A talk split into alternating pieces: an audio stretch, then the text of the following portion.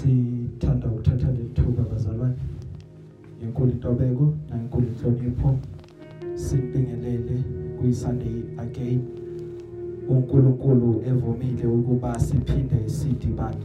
Siyabulisa futhi bazalwane to abazalwane who abasibukela online during this time whether be it Facebook or be it uYouTube. Even nakulabo abazosilalela kuaudio via WhatsApp. Nanamhlanje siyanibingelela bazalwane. Sithi namanje nanamhlanje uJesu useyinkosi. Si sibonge ukuphinda sidibane nani.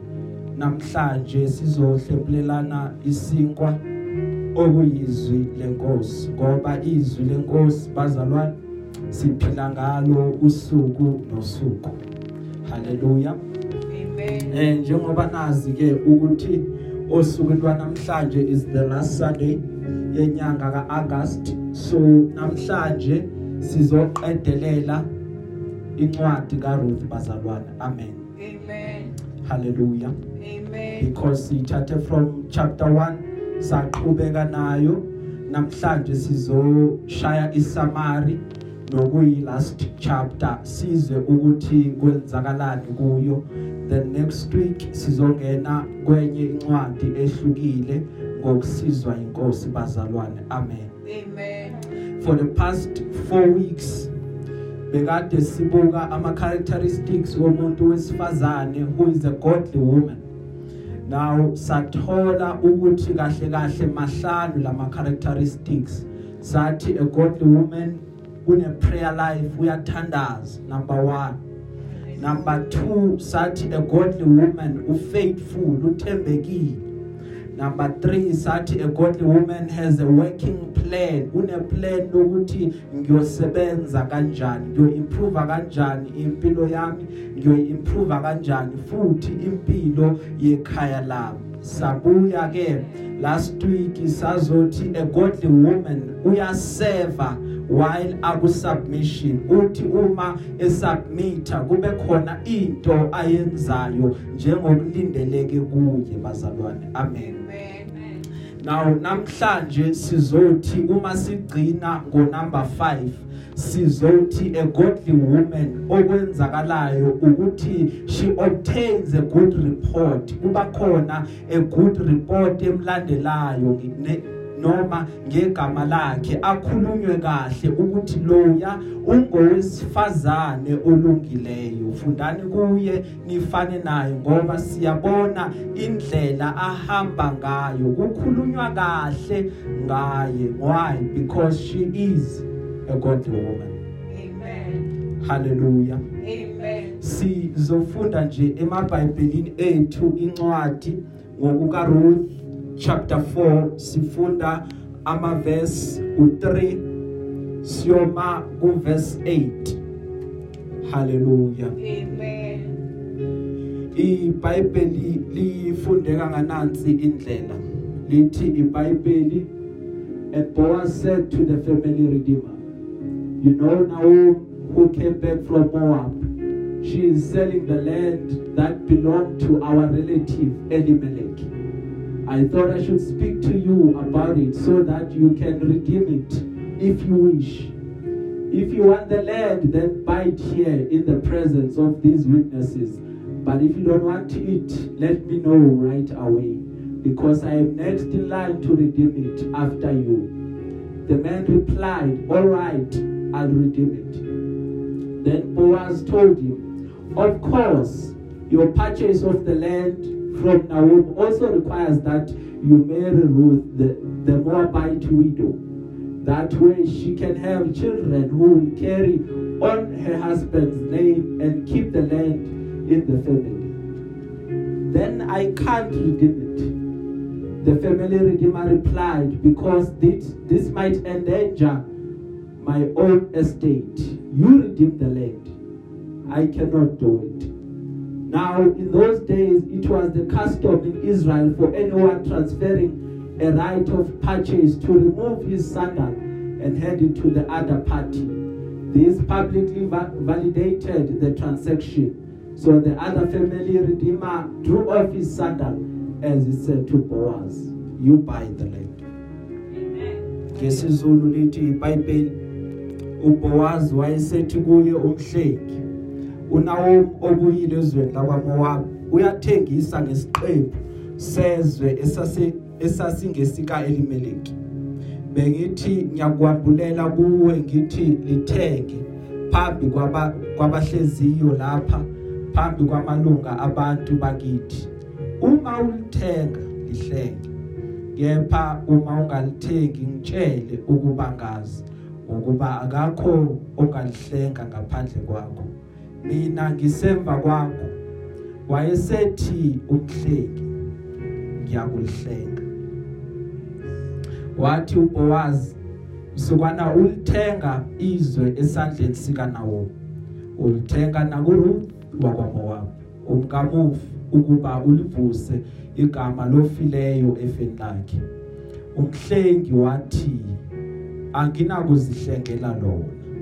Funa ngone ifa lami. Zihlengele wena. Ngokuba mina anginakukuhlenga. Lokhu kwakunje ngokuhlenga nokwenana endulo kwaIsrayeli ukuba kuqiniswe izindaba zonke. Umuntu wakhumula isicathulo sakhe wasinika umakhelwane wakhe. Lokho kwakungubufakazi kwaIsrayeli. Ivesi lokugcina bese lithi umhlengi wayesethi kuBoaz zithengele. Wakhumula isicathulo sakhe. Singavala namehlo father here is your word. Sibusise ngalo phinde usuthise umphefumulo wethu. Siyakubonga ngalo. Khuluma ke Nkosi naso suku lwanamhlanje kube ngathi uyaqala. Uphendule uguqule uphinde ubusise umphefumulo wethu. Ngayo Jesu Christ oyinkosi. Amen. Amen. haleluya bazalwane. Amen. so impilo kaRuth uma sifunda iBhayibheli ingezinye zeimpilo that show us ukuthi ukubekezela kuyaye kube nomvuzo. Uma umuntu eqhubeka abekezela ngesineke kuyaye kube khona ayokwamkeliswa noma ayokuhamba hamba bese akuthola. Impilo kaRuth isibonisa amandla okwazi ukuqhubeka ubekezele endleleni. Isifundisa ukuthi uma ulalela kuyaye kube khona izinto ezinhle oyaye uhamba hambe uzithole. Phinde sibonise nokuthi futhi ukuyimisela kubaluleke kangakanani. Nokufunda bazalwane izinto ezikwazi ukuthi ziguqule impilo yakho lokho kuyakusiza and nanokuhlala ethembeni lokuthi izinto ziyohamba hamba zibe ngcono kungenzeka kubonakala ukuthi namhlanje izinto ziyabheda but akubona ukuthi lokho sekusho ukuthi kuphelile because kusasa izinto zingahamba hamba zibe ngcono. Angithi iBhayibheli uma silifunda lithi abesifazane abadala abafundise abesifazane abancane ukuthi impilo iphilwa kanjani bababonise inkambo ukuthi kufanele ukuba bayiphathe kanjani so that umhlaba uzoba yindawo engcono nabo bazokwazi ukuthi babe ngabantu abangcono Amen. Isihloko sethu nje sanamhlanje amagama amabili nje sizokhuluma ngesiphetho esihle Amen. most of the time akubalekanga abazalwane ukuthi izinto ziqala kanjani most of izinto eziqale kabi most of izinto eziqale zingathandeki zivamisile ukuthi zibe nesiphetho esihle. Into ebaluleke kakhulu bazalwana akona ukuqala kwento but the biggest or greatest thing ukuthi into isiphetho sayo siba njani asikhulekeli izinto eziningi kodwa sikhulekela ukuthi isiphetho sethu masibe sihle ngoba siyazi ukuthi sisuke kuphi siyazi ukuthi siqale kuphi. Kuningi ebekade kwenzeka singakuthandi. Kuningi ebekade kwenzeka sibone ngazuthi asiyiphambili but siba nethemba asilahli ithemba lokuthi isiphetho sethu siyakuba sihle kunesiqalo sethu because vele kakade okubalekile akona ukuthi siqale kanjani but okubalekile ukuthi uma sesigcina sigcina sigcina kanjani because yiyo into eba yi defining factor ukuthi siyawina noma siyaluza. How did we end? Amen. hallelujah. Amen. how did we finish? How was our finishing? Was our finishing clinical na? Can someone ashayile izandla ngendlela esiqede ngayo na Amen. hallelujah Amen. okuyakuthiwa hey asifuni nokukhuluma ngoba sithe mase kumele ukuthi siqede sazobheda ekugcineni Hallelujah. shisekela empilweni yakho ukwazi izinto eziningi funa ukufunda okuhlukile every time impilo will always present you ngama opportunity wezinto ongayifunda. It is up to you ukuthi amehlo akho ayavuleka noma ayavaleka na. It is up to you ukuthi usho ukuthi hayi mina ngiyohlala nginje angizuguquka noma ungathi ngizoshintsha. Kuyokusiza lokho empilweni yakho. Hallelujah. ngoba uzoba nolwazi lwezinto eziningi. Ukuzomangala na ukuthi awu sengazi lo sengazi nanako sengazi nanako ngobani ngoba benako ukuthi ngifuna ukufunda ukuthi impilo izongifundisa ini ngoba kakade bekade kushiwo vele ukuthi empilweni ufunda uzuyofa Amen. iba umuntu ohlala afuna ukwazi ukuthi into yenziwa kanjani Hallelujah. Iba umuntu ofuna ukubona ukuthi into yenziwa kanjani so that nalo okusizayo noma ngelinye ilanga angekho uzokwazi ukuthi uzenzele Amen. kulabo abasiza abantu let us try bafowethu nodadewethu ukuthi umuntu singavamisi esikhathini esiningi ukuthi simnikeze ufish because lokho kubulala abantu abaningi ukwenza ukuthi abantu bahlale beza kithi njalo because they always expect ukuthi bayohlala njalo befumana ufish kodwa asibafundise ukuthi ufish udotshwa kanjani ufish udoba kanjani so that noma ungekho wena azohamba ayoyidobela ufish because sekanolwazi ukuthi uma ngifuna ufish ngiyakwenze njani Amen. Ukuze kusasa lalowo muntu lingazoma ngawe akwazi ukuthi azenzele izinto. Amen. besizokhuluma bazalwane osuku lwanamhlanje about isiphetho esihle. Fanele ukuthi kwesinye isikhathi ujabule ubonge uma abantu bangafuni ukukusiza. Kwesinye isikhathi bonga uma umuntu angafuni ukuthi alulele isandla sakho kuwe bese uyakusiza. Ngobani? Ngoba bakufundisa ukuthi ezinye zezinto ukwazi ukuthi uzenzele wena. Athi omunye umekhuluma because ubekade engekho ongisizayo because of that ngafunda ukuthi mangizenzele mina. Amen.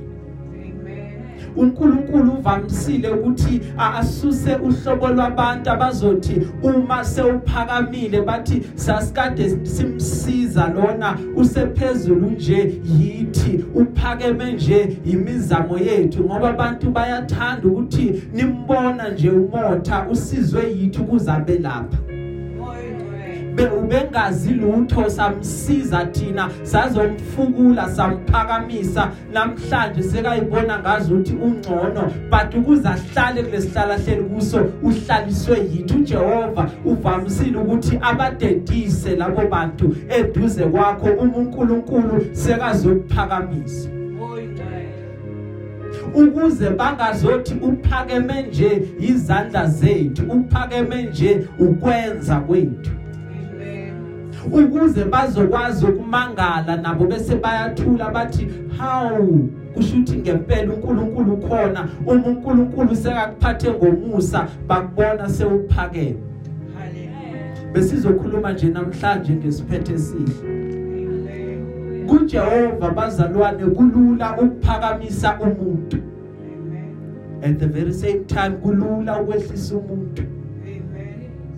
Ingakho fanele uma uhamba la emhlabeni uhambe nge- nge- ngesinono uhloniphe umhlaba. Haleluya. And noma ubona ngathi uyaqala uyaphakama into zakho ziyavuleka kodwa thobeka wehle uye phansi. And ufunde ukuthi omunye umuntu ungambukeli phansi. Ungathi wena ungcono ngoba udla inyama abanye abantu badla ispinach Amen. ziningi izinto engashintsha in a split second empilweni yakho Hallelujah. kwesinye isikhathi you will never know lo muntu ombukela phansi namhlanje ungaphathwa uye kusasa Amen. because ikusasa alikho ezandleni zakho Amen. Wena wena wena kahle kahle umuntu. So awusazi isiphetho from eqaleni noma noma ungakhuluma isiphetho from eqaleni uthi ngifisa ngithanda ukuba ngikhulekela ukuba isiphetho sibe sihle ngoba ngiyakholwa ukuthi isiphetho sami sizohamba hamba sibe sihle but isiphetho kahle kahle sokuthi izinto ziyohamba hamba zibe njani awunaso. That is why nathi sithemba uNkulunkulu ngesiphetho sethu ukuthi uNkulunkulu akushilo ukuthi isiphetho sethu siyoba sihle sibambelele kuloko ukuthi Jehova sithembe wena sinawo amandla thina okuzenzela ukuba isiphetho sibe sihle. That is why each and every day sifika enkosini sizokhuleka ukuthi baba bheka ngakithi. Sisho umkhuleko njengojabesi sithi baba yandisa umkhawulo wethu ugcina okubi. Kungezi kithi siyathemba ukuthi uNkulunkulu akazi ukusiyekelela ngoba ushile ezwini lakhe wathi unamacebo amahle ngokuphila kwethu. Sethembele kuloko. That is why we keep on praying to God Amen. hallelujah Amen. and and now noma sekwenzeka uNkulunkulu seke kuhambela noma sekwenzeka uNkulunkulu ekubusisa ngesiphethe esihle awazi ukuthi siyoba sihle sibe sikhulu kangakanani because kuneyibusiso uNkulunkulu athi uma eyiletha bese uyathuka kwasanawe ukuthi hayi bengaboni ukuthi ngaba yini lo Amen. Mina mina mina wonke mina wonke lo ngingahlala endlini enhle kangaka mina wonke lo. Mina bekade ngihlala ekhaya kuyi one room sihlala kunethela sibeka izitsha imvula ingena sikhongozela amanzi each and every day. But uNkulunkulu wathena around impilo yami. Angibelieve ukuthi uJehova angangithatha angiphakamise kangaka. Ngithi uma sengingena kwamanye ama office abantu beze bafuna ukulalela ukuthi ngizothini kubo? Mina lo engakhula ngepapa nekhabishi mina lo engalala ngamanye amalanga ngilala ngamanzi. Singazi ukuthi sizodlani kodwa umama athi asikhulekeni bantwana bami uNkulunkulu uzoyenza indlela kwenzeka kanjani? Nawe sekuthi sengiphakeme kangaka senginayo yonke inhlobo yemali ongayicabanga senginayo yonke inhlobo yemoto ongayicabanga. Ingoba you will never really know ukuthi uNkulunkulu uma ekuhambela ngakuhambela kangakanani. Haleluya Amen. uNkulunkulu masicelile izinto wenza indlela Amen. ukuthi into esicelile ibe yinhle Amen. nakakhulu Amen. kunangokucabanga kwethu Amen. kunangokulindela kwethu Hallelujah. haleluya Amen. Singakhuluma bazalwane sithi yes we know and we feel ukuthi ibandla lethu loba likhulu we know Amen. but we don't know ukuthi how big Hallelujah. but sithemba uNkulunkulu ukuthi uJehova yakusipha isiphethe esihle Amen. haleluya Glory. and and now noma sekufika isikhathi la sesikhule khona noma sekufika isikhathi la si expanda khona Amen. Akumele ukuthi sihambe bese siyadenela abantu Amen. but abantu sibahloniphe Glory. ngoba unguNkulunkulu okwazi ukwenza yonke into Amen. haleluya Amen. mele ukuba senze into eyodwa Hallelujah. simbonge ngazo zonke izinsuku Amen. asiphe zona Amen. sicela ukuthi baba ubeke usigcine. Bese Jehova usikhulise nakakhulu Amen. ukuze sikwazi ukusabalalisa ivangeli to all the four corners of the world lingagcini la but lisabalala umhlaba wonke ukuze abantu balazi iqiniso Amen. liphinde futhi lifinyelele even with different languages Amen. ilimi ezahlukahlukene lifike la kufanele lifike khona Hallelujah. Because ivangeli lika Jesu Kristu alinakuvinjwa bazalwane Amen. sihambe yonke indawo Amen. simemezele indaba ezinhle Amen. zokuthi uJesu uyasindisa Hallelujah. futhi akeke ethuneni uvukile Amen. bese ukhuluma nje namhlanje ngesiphethe esihle Amen. khumbula phela sikhulume ngoRuth ukuthi uRuth ubekade ehamba emva kwabavuni Amen. Ukuthi nje athole lokusele uma bevunile. Uma bevunile kube khona okusalayo waqhubeka uRuth wakhothoza. Bekunabantu lapha kubona laba besifazana ebebakade uRuth bambukela phansi. Bathu yini lo? Akafani nathi. Bathu yini lo? Abanye mhlawumbe bamkhuluma kabi uRuth. Because bengazi bengaqondi Amen. ukuthi kahle kahle icebo la kaNkuluNkulu liyini Hallelujah. ngempilo kaRuth Amen. ngoba uNkulunkulu esihamba naye Amen. uthatha izinto ezidelelekile Yeah. elithi iBhayibheli lakhe asisebenzise ukuze kujabe lezi ezicabanga ukuthi zinamandla Amen. uRuth ubekade efana nomuntu osuka from eklineni ubekade efana nomuntu odobha amaphepha eofisini aligcina ukuba lihlanzeke. Waphakamisa uNkulunkulu in the very same company. Wagcina ayi CEO yecompany Amen. hallelujah.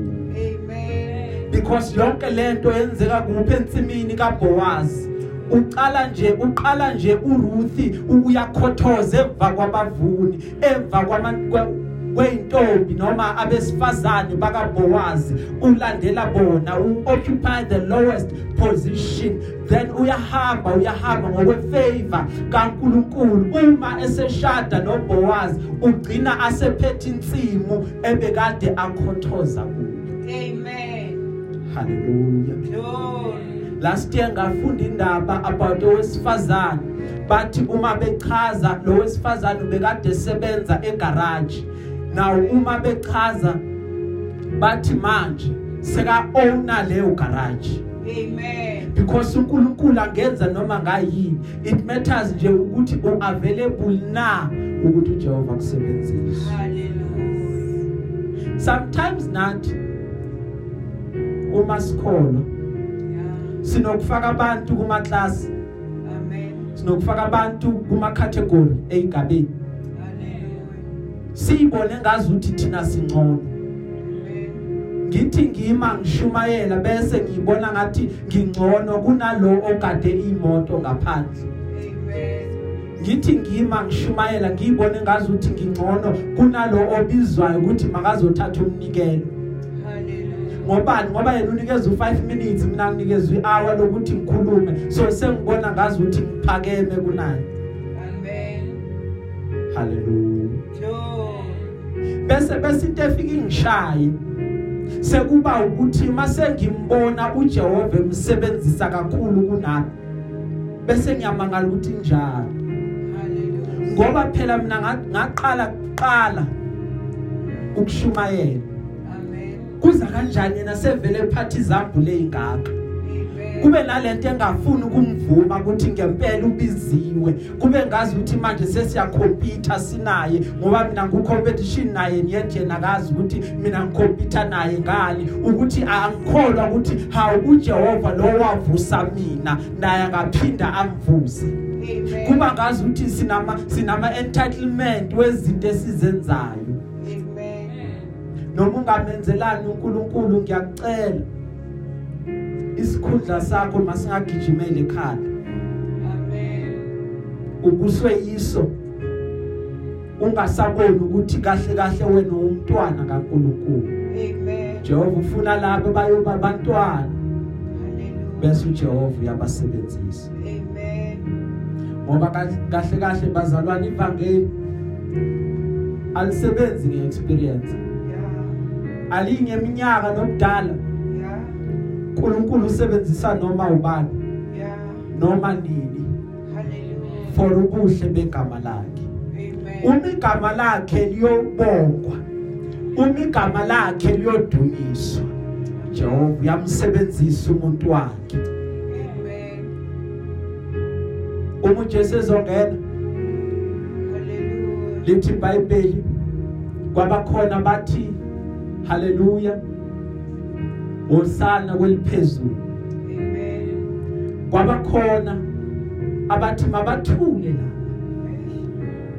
Bangathi haleluya hosana kweliphezulu. Makabongo ozayo. Amen. wathi uma baphendula uma bethula laba uNkulunkulu akaswelanga. Amen. Jehova yovusa amatshe. Bese amatshe ayamdumisa. Ngoba uNkulunkulu akamsweli umuntu Amen. oyakuhambisa umyalezo wakhe ezizweni Amen. haleluya Amen. nathi usizwa nje ukuthi siqhutshwa yinto ngaphakathi Amen. ethi awukwazi ukuthula Hallelujah. elithi iBhayibheli uma selifikile linjengomlilo Amen. emalungeni abo Hallelujah. haleluya Glory. eh ezulwini bazalwana siyukungena ngokuthi mina ngaqala kucala ukushumayela Amen. kunawe Hallelujah. bese ngithi wena umntanami enkosini Amen.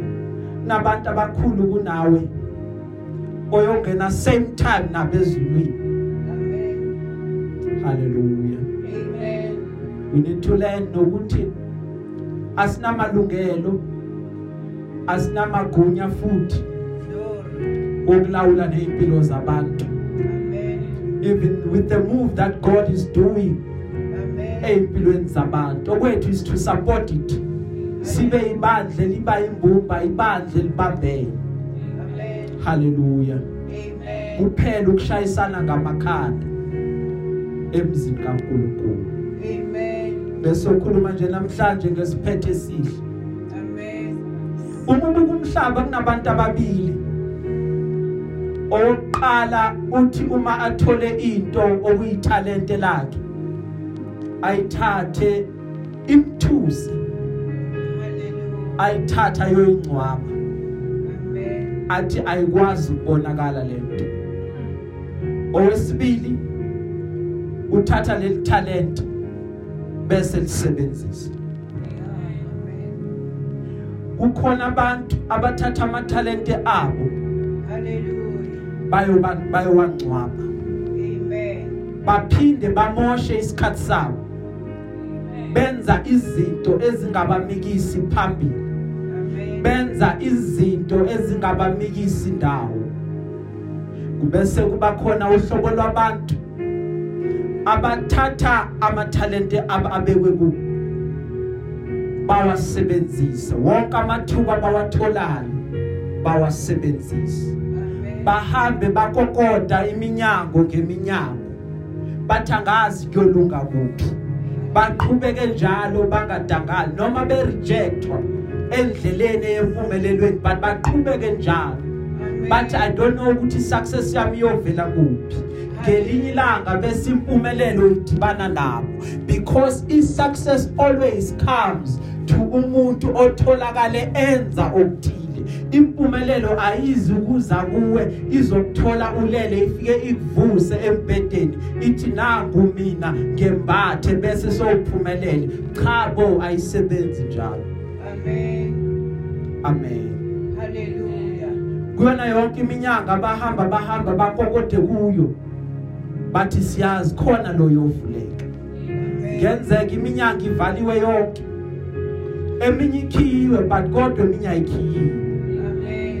So sihlalele ethembeni lokuthi uNkulunkulu uzoyivula iminyango Amen. elidingeka ukuba thina singene kuyo Amen. amen bazalwane Hallelujah. so khuluma nje namhlanje about a beautiful ending ku chapter 3 simbonile uRuth ehambe yesibuyeni ehambe ya ku threshing floor eyohlangana noBoaz ngemva kokuthi enze konke lokumamazala akhe athi hamba okwenza Ruth wafike wakwenza uma sekwenzile wakwenza njengokusho kukamamazala wakhe Amen. haleluya Amen. khule kwakho mawuthi Nkosi Yeah. siza mina Hallelujah. ngenze njengokusho kwakho Amen. angifuni ukwenza okunye ufuna ukwenza njengokusho kwezwi lakho Jesus. umuru sekamlalele unawo wayesibuyeni bowazi umupha ibhali ephinda phindeke kawu 6 okusho ukuthi noma bekubhede empilweni kaRuth but for the mere fact ukuthi khona lokanikwe ko kumuphi ithemba? Buka kahle empilweni yakhe izinto ezenzakalayo noma kungabheda kanjani kodwa ikhona le. Eloki light enjalo eba isibani sethemba kuwe ukuthi noma kungabheda kanjani cishe konke okubonayo kodwa khona le yodwa ehamba kahle. Hallelujah. that is the provision of the Lord. Uthi Ruth umefika kunawo fika umlandisa ngabona konke. Uthi nawo umqinisa qinisa ibindi indodakazi yami. Ngoba uBoaz konke lokakushila uzokwenzela kona. Akayi kukiyeka uBoaz alizukuphela leli langa. Usathulekile. Amen. haleluya Amen. ngamanye amagama uyamqinisa uthi Ruth usuhamba ibanga elide kakhulu. Hallelujah. sekuzoluka kuwe. Amen. sekuzokhanya kuwe. Amen. amen bazalwane. Amen. indaba yakho seyizoluka uzokuthola lokho okufanele ukuba ukuthole uzokwamkela lokho efanele ukuthi ukwamkele ngoba impilo isifundisa into eyodwa. Ukuthi njalo emva kokuthi sesisebenzile uba khona umvuzo esiwamkelayo sebenza noma kumnyama manje wazi ukuthi one day kuzokhanya. Kakade vele ukukhanya kulethwa ubumnyama uma ubumnyama bekade bungekho ukukhanya bengeke kuze kube khona. So rest assured ukuthi nakukhanya kuyenza. Uyabona laba abathengisayo? Uma benza amagwinya kwakusasa Amen. baqala ukwenza amalungiselelo wawo namhlanje Amen. babhuqe inhlama yakhona yamagwinya namhlanje Amen. bese bayithatha bayibeke Hallelujah. ngoba ifakwe iEast ukuthi race Hallelujah. bazi ukuthi ekseni simane nje siyathatha sifake emafutheni Amen. sewuyeza ke nawe sozothenga amagwinya Ngivumele ngithi kuwe namhlanje baqala kusesemnyama ukwenza amalungiselelo wamagwinya. Kodwa uma sewadliwa adliwa sekukhanya qhubeka na usebenze. Noma kungabonakala noma ngabonakala ngathi namhlanje kumnyama kakhulu empilweni yami. Kodwa sekuyeza ukukhanya sekuyaphela ukudla. Ngoba vele after darkness light is eminent bese ukhuluma nje ngesiphethe esihle Ruth chapter 4 la sifunda khona it's the last part of impilo kaRuth Amen. the last part of incwadi kaRuth Amen. uRuth uthe umuntu wezizwe ahambe aye kwelinye izwe afika athole ikindness kulelo zwe namhlanje ngifuna wazi ukuthi uthando lwakaNkuluNkulu nomusa wakhe kuyakufumana nawe Amen. lithe iBhayibheli kwanele konke umusa wakhe Yeah. noma ngawu kuphi Yeah. Jehova yakubheka kuwe ngomusa Hallelujah. akwenzele umusa Amen. ingakho ngimqonda lo hlabelelayo uma ekhuluma ethi einsizini zethu. Yeah. iso lakhe liyabona Hallelujah. chapter 4 sithola uRuth. Sithola uBoaz uyahamba yohlanganyela nomhlengi. Lo afike watshela uRuth ngaye ukuthi ukhona umhlengi oseduze kakhulu. Nawe ngiyomtshela ukuthi makakuhlenge. Uma engakuhlengi yena ngikhona mina ngizokuhlenga Ruth. So uyahamba uyokhuluma naye. Kuverse 3 ufika udlala yonke indaba uthi unawo uyayithengisa indawo. Njengoba esebuyile uyamkhumbula Mosinawo bekade eshade noElimeleki bayithengisa indawo. Nawo kwangathi bahlakanipha onawo nendoda yakhe ukuthi indawo yabo mabangaqali bayithengise. Kodwa mabahambe so that uma befika phambili bexakeka bakwazi ukubuyela emuva. Sometimes kuyahlupha ukwenza izinto ngokujaha in a hurry because ungagcina uthengisa indawo yakho uthi mase kumele ubuyele emuva ugcina ungasabi nendawo la uzohlala khona. Kanti mabafika le phambili bayoba nenkinga bakhumbule ukuthi konje emuva sishiya indawo haleluya amen bazalwane. Amen. kuba khona abantu abazoba ngofakazi. Kuba khona ama witness kulomhlangano iverse ka4 uthi Boaz mawuyithenga le ndawo uyithenga. Kodwa ngifuna wazi ukuthi awuyithengi yodwa. Ihamba no Ruth Hallelujah. ayihambi yodwa. Ihamba nalo wesifazane wabuya kwelinye izwe Hey. laseMoab fanele ukuthi mawuyithenga uphinde ushade nayo Amen. uma eshada noRuth bekade kusho ukuthi uzongena egameni lendoda eyafa kaRuth now lokho kusho ukuthini kusho ukuthi uzovusa igama lendoda kaRuth. Bonke abantwana bayobalelwa ekutheni umntwana kaRuth noMahaloni Amen. bese iestate yakhe njengomhleki igama Amen.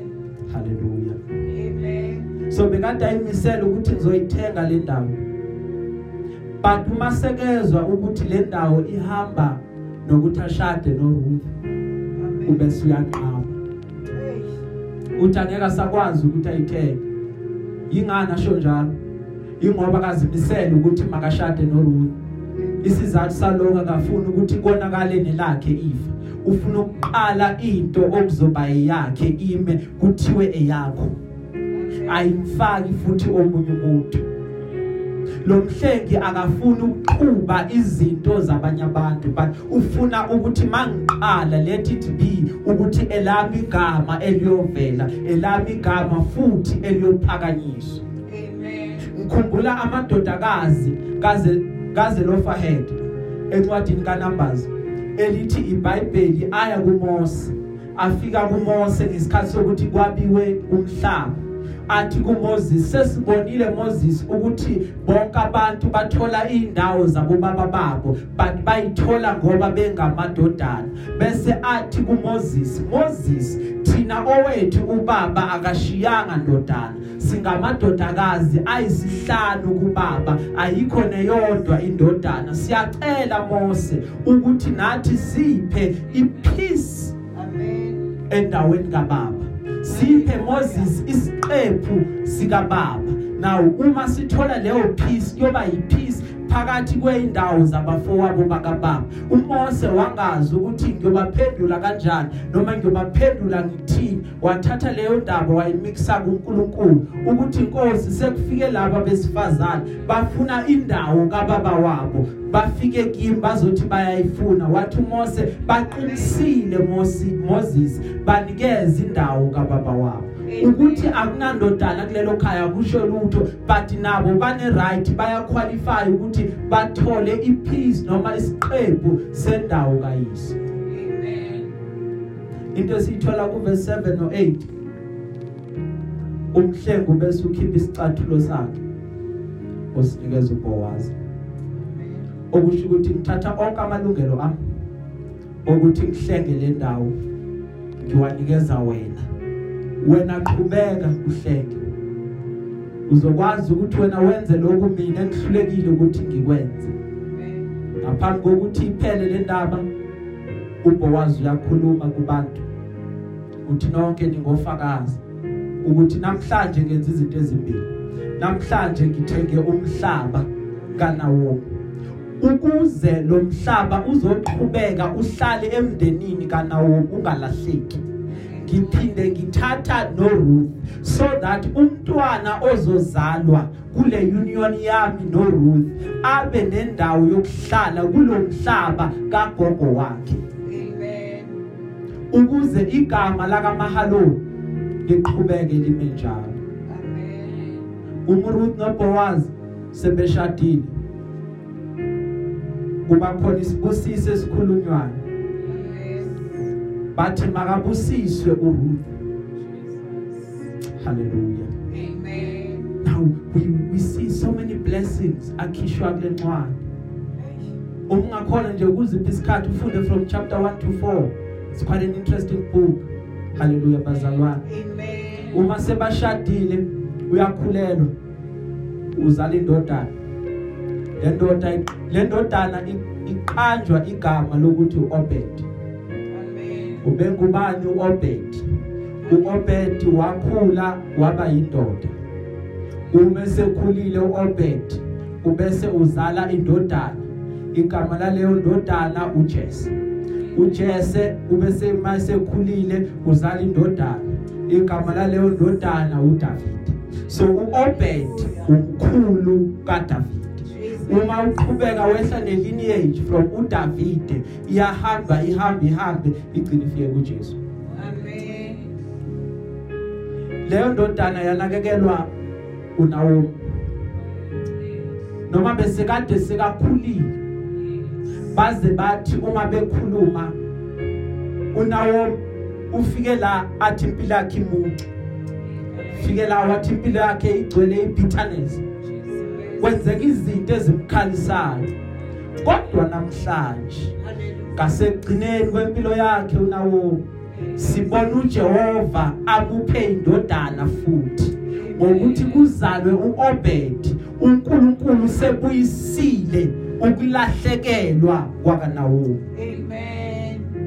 ngasekugcineni nakuJehova uzokwenzela okuhle.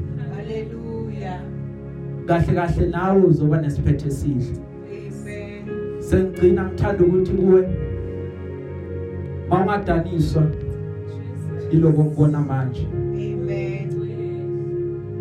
kokuthi mawubuka ubona ngathi izinto zakhe ayihlangani Hey. uthi uzama lokhu nalokuya ubone kungenzeki lokho odinga ukuba kwenzeke Hallelujah. okuhle kuyeza nakuwe Amen. Jehova ngeke athule nomphela Amen. Nakuwe impendulo yomthandazo wakho izofika phikelela phambili qhubeka sekuzokhanya Amen. themba ukholwe Amen. ukuthi kuzokwenzeka Hallelujah. yona yonke into ebengakulahlekela Hey. mawungalahlekelwa ithemba lakho Jesus. malihlale njalo likuvuselela Amen. ukuthi uJehova njalo uma ngikhuleka uyawuza umkhuleko wami Amen. and uzowuphendula Amen.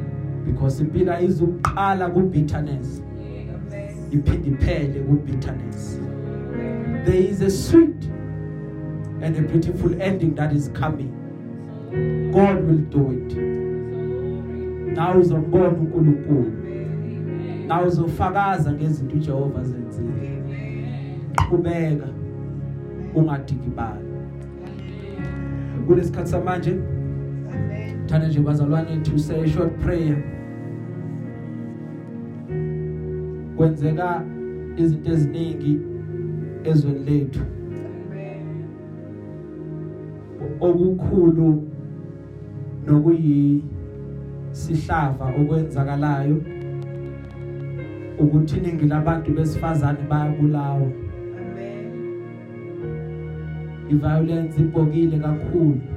Amen. akona nangokuthi kwabesilisa kwenzeki. Hallelujah. kodwa kungukuthi ivame kakhulu kwabesifazane. Amen. so thana nje ukuthi sigepse namakhanda with this short prayer siye nenkosini ngokwethemba lokuthi njalo uma simbiza yena uyezwa bese uyaphendula. Singavala namehlo bazalwane. Father in the name of our Lord and Savior Jesus Christ Lord we thank you. Ngezwi lakho. Sikunikeza lonke udumo uNkulunkulu wami. Phakama Nkosi namanje. Bese thina siyehle Baba siyabonga. Ukhulume kahle uNkulunkulu wami. Siqala lenyanga naku Jehova sesize sayiphetha. Ube nathi. Siyabonga. uNkulunkulu wami sisondeza amakhaya ethu kuwe. Sisondeza imindeni yethu. Father God sisondeza omama osisi bethu. uNkulunkulu wami sisondeza abantwana bethu. Phambi kobakho buso Baba we pray for your hedge of protection around them. Bavikele Nkosi. Father God bakuma relationships basebudlelwaneni. uNkulunkulu amabanye abahlalisekanga ngokuthula. We pray Father God ukuthi ngenelele emakhayeni abo. Ngenelela uNkulunkulu wami kubalingani babo. Bangaba abuse uNkulunkulu wami bangababulali ngegama lika Jesu waseNazaretha uNkulunkulu wami we come against the spirit of femicide. Ngegama lika Jesu waseNazaretha kuwena Nkosi okwazi uqeda yonke into. Qeda even Father God Almighty lokho kwenzeke ezweni lethu.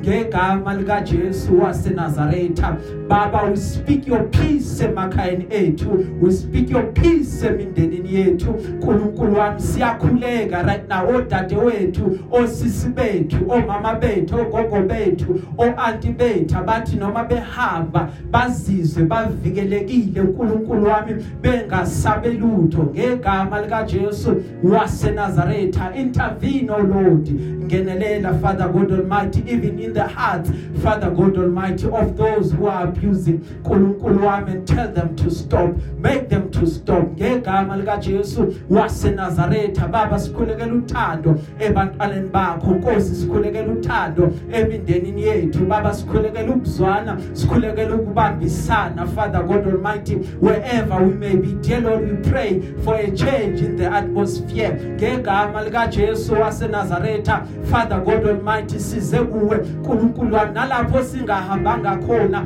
Jehova siyazithoba kuwe. Sithethelele uNkulunkulu wami. Philisa izwe lethu. Ngegama lika Jesu waseNazaretha baba siyakhuleka right now. Ngenelela Nkosi. Sesithembele kuwe. Amathemba ethu onke kuwe. Baba senzele lokho siyacela uNkulunkulu wethu. Uyakwazi ukwenza konke. Nakuloko awuzukuhluleka thank you father god almighty ukuthi njalo uma sikubiza wena uyasizwa. Ngiyabonga baba ukuthi ungizwa njalo. Namanje ungizwile. I thank you for a turnaround emakhayeni ethu. I thank you ukuthi kuyohlalwa ngokuthula ngayo Jesu Kristu inkosi thatha udumo ngenkosi. Siza even the upcoming generation ikhule ikwazi ikubonile. Ngegama lika Jesu waseNazaretha phakama ke uNkulunkulu wethu namanje. In Jesus' mighty and wonderful name. Siyakholwa siyathemba sekwenzekile ngayo Jesu Kristu inkosi amen. Sizogcina lapha usuku lwanamhlanje bazalwane. Kwanga inkosi yomusa? Inganibusisi